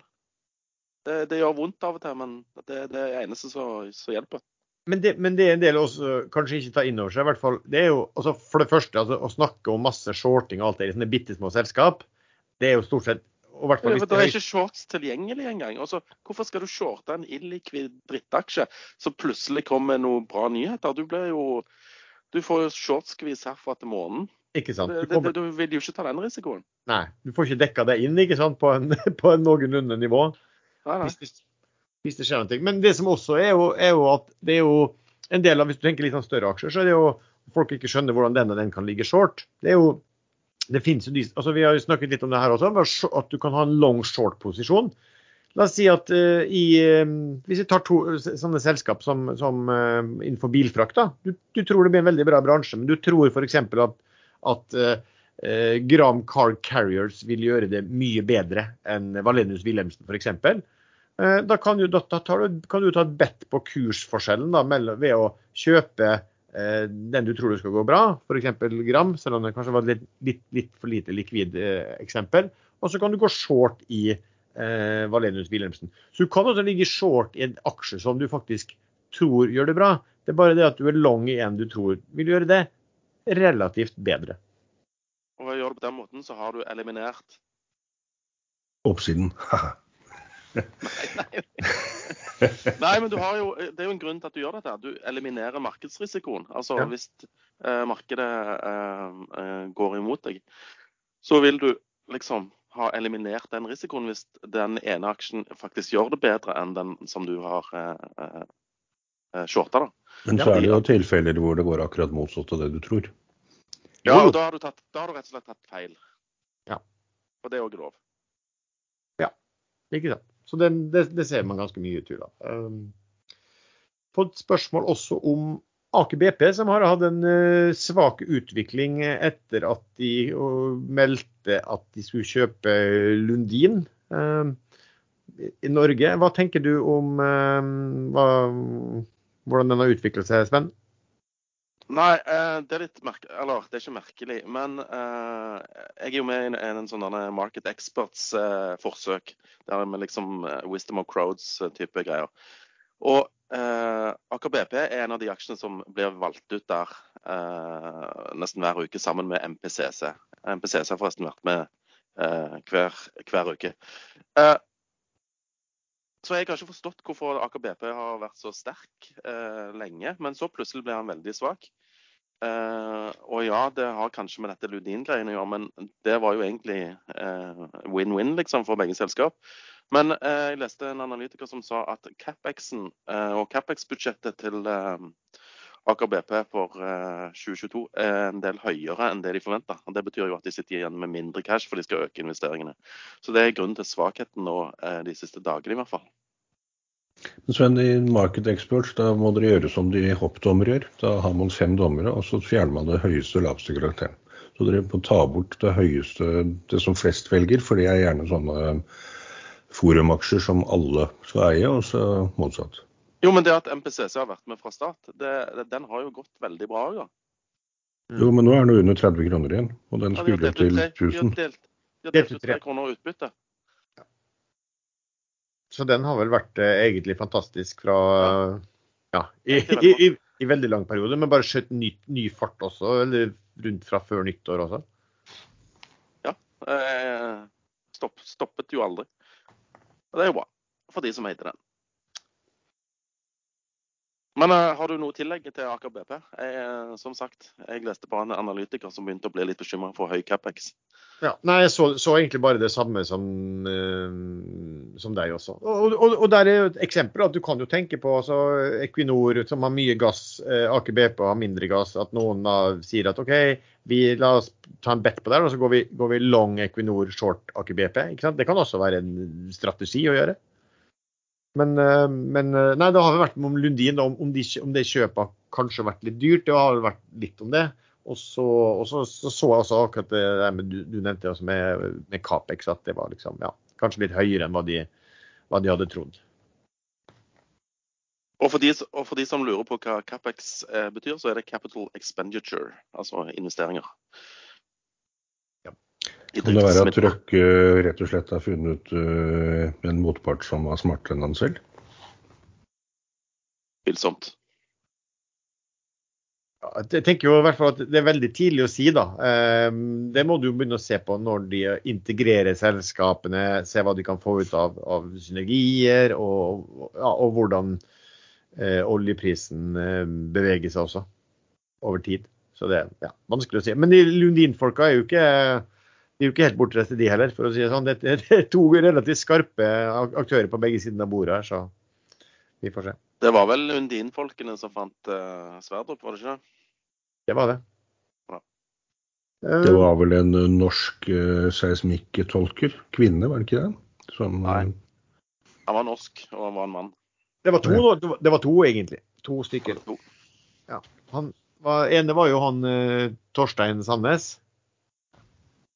Og han andre heter Husker jeg ikke helt hva han heter i farten. Men det var, det var de to som vel var det, det, det teamet som hadde gjort de tenkningene rundt, rundt uh, Det var Sanne, han Sandnes jeg husker. For det, er akkurat som de som var først på månen. Jeg husker bare han ene. Så de var vel tidlig ute. Men det var ikke så mange andre som trodde på det, det feltet der, og tenkningen rundt det feltet der også, i en lengre periode, helt til, helt til Equinor etter hvert eh, lot seg overbevist til å, til å være en, en del av den lisensen. Det angrer, de- de angrer de nok ikke på. Eh, et spørsmål bitcoin, altså om krypto. da, Det her er jo bitcoin. Eh, hva, hva, hva tenker man om bitcoin i forhold til inflasjon? Erlend?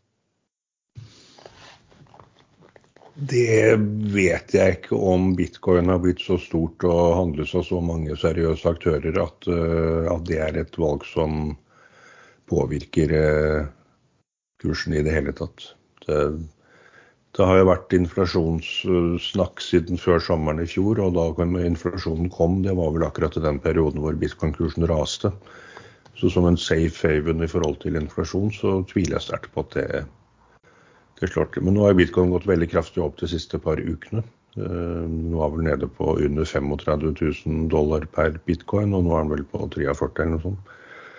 Nei, jeg tror, eh, jeg tror ikke man skal bruke for mye tid på å se på akkurat det.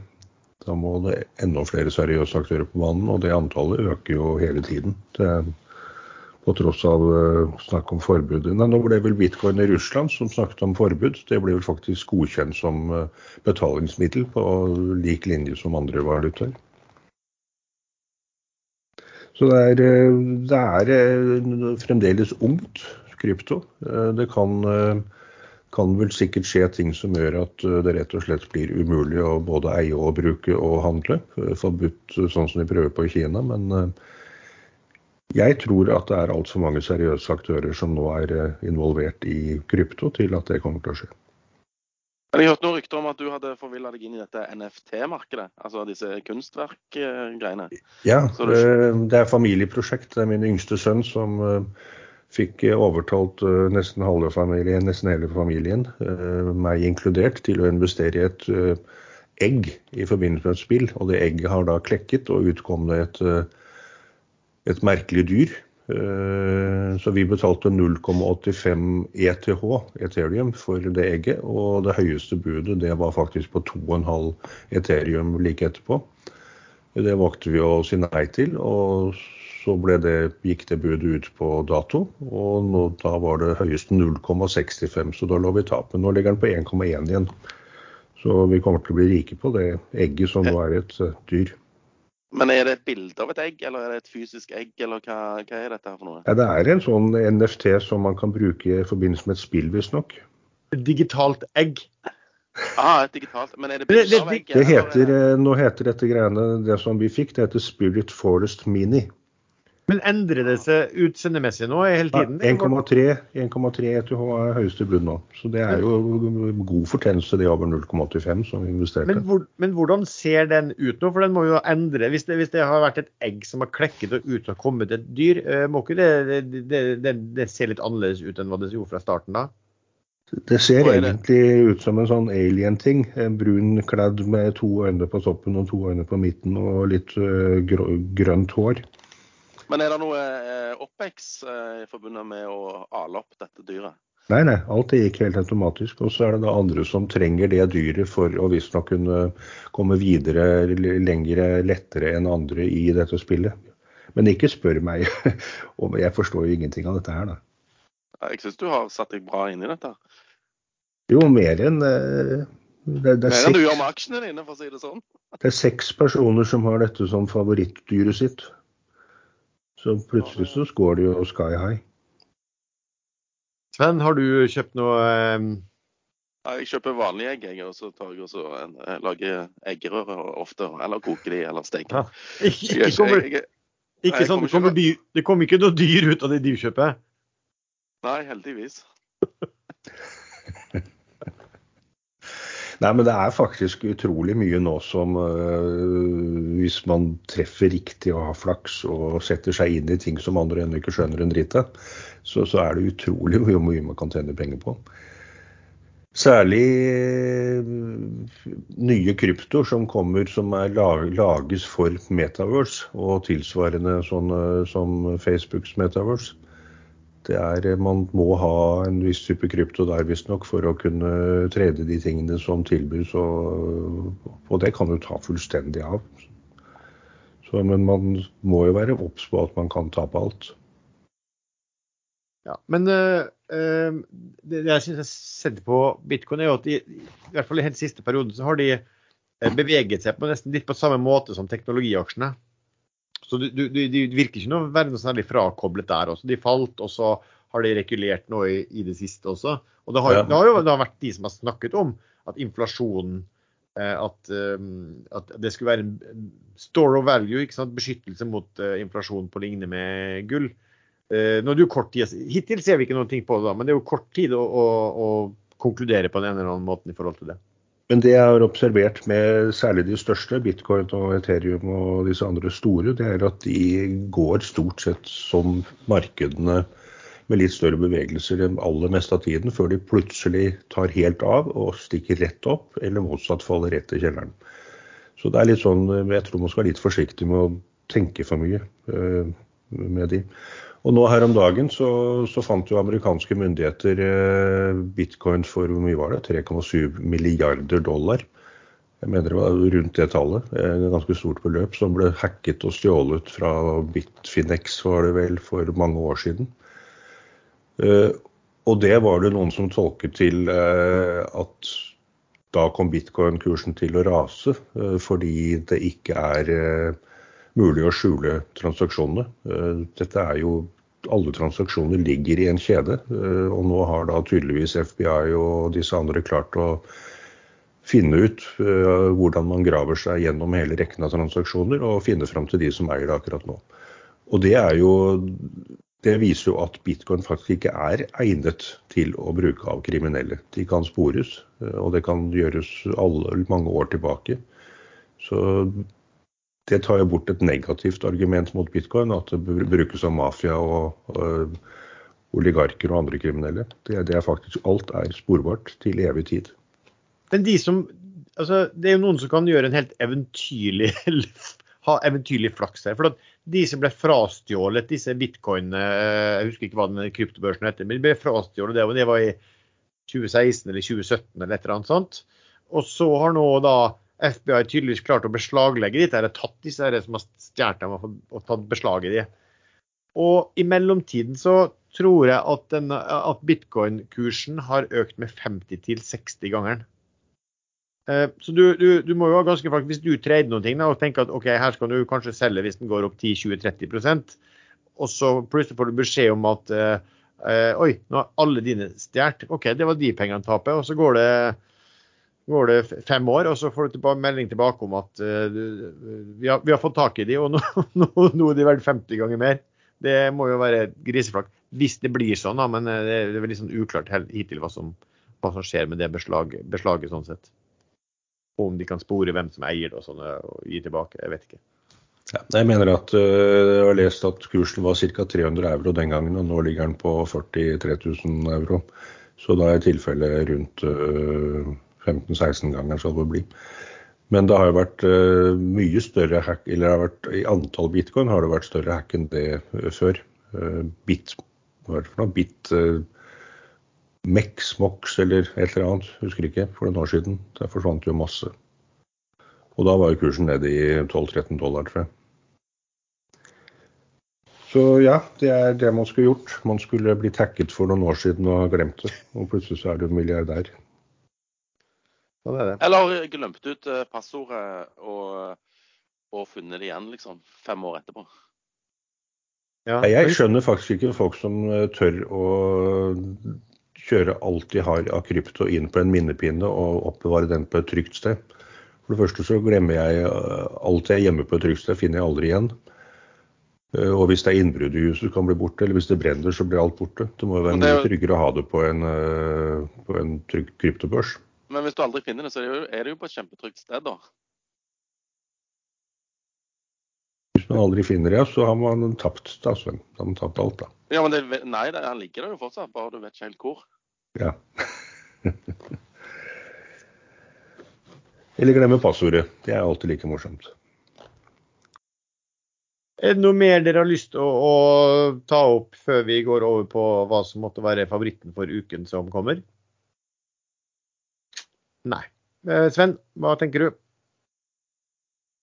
Jeg har ikke noe favoritt denne uken, egentlig. Det Favoritten er solsenga. Nei, jeg skal jo hjem igjen i, i morgen tidlig, så det, så blir, det blir dagens favoritt. Det blir solsenga. Men uh, neste ukes favoritt uh, Ja, si det. Eh, Har du råd til å reise hjem etter at du fikk strømregningen, da? Jeg har ikke fått åpna den ennå, så det sto på spansk. Og så tallet viste ikke på i selve mailen der, så jeg måtte logge inn. Det kan jo tyde på at den er høy. Uh, nei uh, jeg, jeg følger jo med litt. da, Jeg følger med på denne Observe, uh, som sagt. Så kanskje folk skal følge litt med på den og se om hvordan den utvikler seg i forhold til tegningskursen på syv. Men ellers så registrerer jeg her at uh, Altså, det, det er jo volatilt marked. Uh, det, det så du jo etter disse renteutspillene i går fra disse forskjellige Fed-folkene. Så hvis plutselig uh, noen blir veldig redde for denne økte renta, her, så, så blir aksjer litt billigere. Og det, Derfor er jeg litt forsiktig fortsatt. Erlend? Ja, eh, jeg nevnte jo sist Desert Control, DSRT-tikker, eh, som en aksje jeg følger med på. Og sa sist uke at jeg tror man har god tid, og det foreløpig stemmer det godt. Den var vel på et par og 30 kroner eh, sist uke, og nå er den på 29,6. Eh, Men det selskapet er fremdeles stor tro på, så der gjelder det å time inngang riktig. Ellers så sitter jeg og hodler, som det heter. Hold on for dear life i eh, Bergen Carbon Solution. Helt til jeg ikke gjør det lenger, men eh, den hadde jeg veldig lyst til å ta på 30-tallet, og til og med på 70-tallet da den var der oppe. Eh, Jeg har veldig tro på at de får det til. Det de gjorde, de overrasket markedet litt, fordi de hentet bare halvparten av det de trenger til fabrikken de skal bygge i Mosjøen, som da skal stå ferdig i 2023. Grunnen til at du bygger der oppe, er jo fordi der er det tilgang på billig kraft fremdeles. Ehm, og det er lavere eh, kostnader. Det er vel arbeidsgiveravgift som er lavere. Ehm, og når de henter halvparten av det de trenger, så jeg, tenker jeg mer at det er positivt, for da har de sikkert eh, håp, be- be- berettiget håp om at de kommer til å få statsstøtte for å bygge resten en eller annen tilskudd eller billig lån eller subsidier eller hva som helst. Og det er jo sånn typisk eh, Mosjøen eh, eh, relativt lite samfunn som er helt avhengig av hjørnesteinsbedrifter, så det er jo absolutt typisk noe som Senterpartiet og Arbeiderpartiet kan velge å satse penger på i, i, når de er i regjering. Så ja, jeg tror eh, man kan regne med at den fabrikken er eh, mer eller mindre fullfinansiert med det de hentet og det de sannsynligvis kommer til å få. Eh, og at det ikke er noe emisjon på gang rett rundt hjørnet, i hvert fall. Så la oss si det blir en til i slutten av 2022 eller 2023, eh, når de begynner å nærme seg komplettering. Men før det så kan jo kursen gå opp igjen. Og de har vel Jeg er ofte sånn som jeg følger med på aksjer og kan, kan litt om det, og så kjøper jeg når jeg føler at kursene stemmer. Og så leser jeg mer etter hvert. Så de har noe Letter of Intense og de har andre avtaler på gang, så jeg skal følge litt mer med på det og lese mobiliteten mer til, til neste gang jeg snakker om det. Og så er det denne Fifth Planet Games da, som jeg eh, solgte meg helt ut av eh, etter hvert. Og den har ligget sånn kursmessig rundt litt opp og ned der hvor jeg solgte. Nå er den på 1,37. De børsmeldte vel i går, eh, tror jeg det var, at eh, de da er, alt er klart for å notere den i USA. Jeg ser at forventningene i den kanalen på Ekstrainvestor er veldig høye til den noteringen, men selv har jeg aldri opplevd at kursen har dratt opp etter at eh, sånne småselskap får en sidenotering i USA. Idex tilsvarende kjempehøye forventninger, og det skjedde ingenting. Så jeg vet ikke, jeg må følge med på å si. Hvis den plutselig stikker opp, så er det fullt mulig å ta den på 1,50, for da kan det jo være at den skal mye høyere. Det er vel rundt 3,50 kursnivået må ligge på før eh, de som har kjøpt seg tungt inn, får rett til å utløse warrants. Så den ligger på vent. Nordic Mining eh, ligger jeg litt på sidelinjen og følger med på. Der ligger kursen rundt 4. Og der solgte jeg på 4,70 og trodde jeg gjorde noe dumt, for den gikk opp til over 5 kroner etterpå. Så noen ganger skal man ha litt flaks òg. Det er vel det jeg eh, følger mest med på nå. Okay. Eh, for min del så har jeg jo som sagt gjort lite. Uh, uken som kommer, da, så Vi nevnte jo NRS. Og nå er det jo akkurat en uke til den neste generalforsamlingen kommer. Så, det, så det, blir jo spennende. Kanskje ikke resultatene, men, men hva de uh, måtte gjøre da i etterkant. Sitter på uh, andre store beholdningen min er Wilhelm Wilhelmsen, og de er jo da store eier av Valenius Wilhelmsen. Og også av Treasure, som jo indirekte eier Hyundai Glovi, som har masse car carrier-skip, de også. Så, så, det er liksom min eksponering mot det markedet. Og, Valen, og Wilhelm Willesen har gått uh, veldig bra. Um, I takt med porteføljeselskaper som har steget. Og de skal vel levere også et tall til uken. Um, så kan jeg jo nevne VSS AB, Viking Supply Ships. Um, de kom faktisk med De har jo fire sånne um, ankerhåndteringsskip, men som er veldig høy klasse i forhold til isbryting. Og de fikk nå um, kontrakt. De har vel to som var i oppdrag, små oppdrag, og så to som lå stekt. Og nå tar de alle fire ut for, til sommeren. Altså de, de, har skaffet seg over to år da, de har skaffet seg oppdrag på til sammen 240 dager, meldte de. Eh, til en pris som er over 700 000 kroner dagen. Så det er jo eh, ekstremt høyt da for, for skip, men det, men det, her er jo litt spesielle skip med hva skal du si, spesielle eh, isegenskaper. Er, er, det de, er, er det derfor de fikk så gode rater på sommeren? Ja, det sies det at det skal være oppe i Barentshavet og at de har spesielle effekter. Jeg ah, OK. Ja, det var der det skulle. Jeg, jeg fulgte ikke med. Da, da make det sense. Ja. Fordi, altså, jeg så bare at de eh, hadde fått beskjeftigelse for sommersesongen. Ja. Og så og tenkte jeg at det argumentet med at de da hadde isbryter-capabilities eh, når det var sommer, ikke betydde så mye. Men hvis de skal opp der og, og tulle, så, så, skjønner jeg godt. Det, det, det, er noen... ja, det er i hvert fall det som er min forståelse for det. For, fordi at den Eh, altså, Pris per dag var jo, var jo sensasjonelt eh, høyt. da. Men nå har jo de opplevd disse, eh, Vi har jo sett Viking Supply Ship som har oppnådd sensasjonelle ting før. med som vi snakket om med, med, med salg av de båtene. Men, de, men, den kontrakten gjorde også at flere aktører gikk inn og kjøpte mer i eh, andre eh, supply-selskap. Og så kom det vel også artikkel i Finansavisen hvor, øh, hvor et av meglerhusene, jeg husker ikke hvem det var, men det var Fearnley som var ute og sa at nå ser det jo mye bedre ut enn hva det gjør på lenge. Eh, og, og, og, der de faktisk snakket om store ankerhåndteringsskip som kunne ha, ha en veldig fin framtid i forhold til havvind. Men det ligger jo fort noen år fram når det slår til kanskje for alvor. Da. Men det har i hvert fall gjort at det har blitt bra optimisme om det. og da ser jeg også at sånn Solstad offshore er jo opp nesten 10 i dag. Uh, og den er ganske kraftig opp. Det er ikke lenge, ikke mange dagene siden den lå uh, Forrige torsdag så var den jo på 6,40 og noen på 8,15.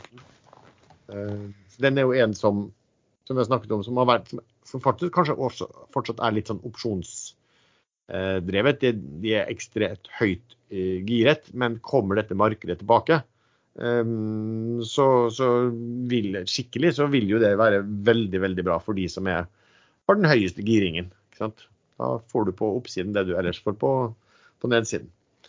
Uh, for øvrig så ja, jeg sitter også og følger med det, det brønnbåtselskapet som heter Frøy. Og det er fordi at de også eies av NTS og også kan komme i spill. Har noen aksjer der, men uh, ja, vi, så, så den er noen ting man, man følger med på. hvert fall. Uh, men ellers blir det sikkert litt rolig i uken som kommer også. Jeg ser på en del, men det er som Sven at ser jo at økt renter, geopolitisk risiko er kanskje noe som uh, kan få markedet til å reagere negativt. Uh, og så er det også spennende synes jeg, å se hva, som skjer med forhandlingene med Iran. Det er ikke noe tvil om at USA gjerne vil ha mer iransk olje ut i markedet nå for å få ned ja, olje, olje, og da bensinprisen. Så ikke noen sånne spesielle favoritter for, for uken som kommer. Ja. Håper, jeg finner, jeg håper jeg finner med noen i løpet av uken. Men det, hva skjer i Ukraina? Det har vi ikke snakka om i det hele tatt. Eh, amerikanske medier meldte i går at myndighetene i USA har bedt alle sine innbyggere som, bor, eller som er i Ukraina, å komme seg ut av landet. Det kunne jo tyde på at det skulle skje et eller annet. Jeg tror vel de sa også at nå de, har de bygd opp så store styrker at liksom de, det her kan komme til å skje i, i løpet av veldig kort tid. De har jo også en pågående militærøvelse med Hviterussland helt på grensen mot Ukraina. Så det er jo det er jo ikke rart at USA og Nato er bekymret for at de slår til. Men det er en del som kritiserer Nato og USA for å hause opp situasjonen og utplassere både soldater og utstyr, noe som ikke akkurat er, er det smarteste hvis man skal roe ned en sånn situasjon. Men det, de sitter jo på etterretningsinformasjon som vi aldri vil få greie på, så hvem vet. Nei, spørsmålet Hvis Russland gjør noe, går de bare inn i Øst-Ukraina, det området der? Eller nå skrev de at de tyder på at altså, de styrkene tyder på at da vil de gå inn helt inn og ta Kiev også? Og Da blir det jo mer dramatisk, eh, sikkert. Og, og, ikke minst kanskje på energiprisene. Så lenge de stopper i Gotland, så er det greit for oss.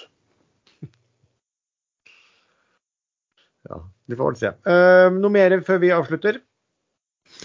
Ja, men kanskje nevne Vestre, var jo næringsministeren vår, var ute nå og sa at uh, batteri, uh, batterisatsingen i Norge skal bli høyt prioritert og kan regne med tilskudd. Jeg husker ikke nøyaktig hvordan han uttrykte ordla seg, men det var i hvert fall det som var innholdet. Så norske norsk-amerikansk noterte Frøyer, som ble notert ved en SPAC, Eh, og det er jo 10 dollar er jo den vanlige prisen i en sånn spekk, hvor eh, de som eier den er sikret 10 dollar på en eller annen måte. og Nå ligger kursen litt under. Men det burde være positivt. Men så er det jo disse spekkene, at der er det jo veldig mye penger som forsvinner til, eh, til å gå inn i en sånn løsning. Men ja, jeg tror Frøyer kan være noe å følge med på.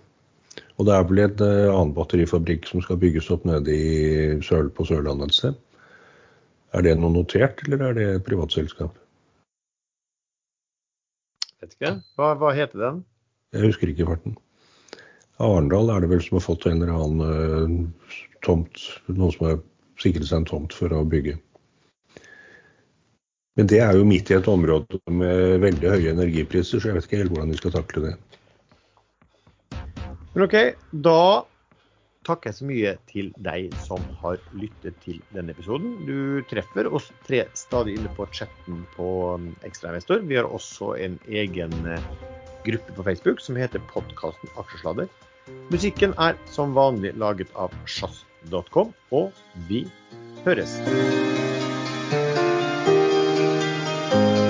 Ekstrainvestor tilbyr børsnoterte selskaper og presenterer seg via våre flater torsdag hadde vi Huddlestock på besøk, som presenterte sine Q4-tall og svarte på innsendte spørsmål. På tirsdag 15.2 kommer Induct på besøk. Induct er selskap som er notert på Euronext Growth. De har tidligere kommunisert oppkjøpt av Osynt Analytics AS. Eh, I sendingen kommer CEO Induct eh, Alf Martin Johansen og CEO Frode Iversen i Osynt Analytics. De vil fortelle om bakgrunnen for oppkjøpet, synergier og planer for videre vekst. Videre kommer Indux COO Synnøve Jacobsen, som skal presentere Grantway, en global tilskuddsportal som lanseres i England 1.3, samt videre utrullingsplaner for dette. Moderator blir investor, aksjonær og ekstrainvestormedlem Stian Skarøl. Sendingen kan du følge på incorrect.com eller Ekstrainvestors Facebook-side og Facebook-gruppen Børsforum. Hvis du vil at moderator skal stille dine spørsmål, så send de gjerne til info at ekstrainvestor.com.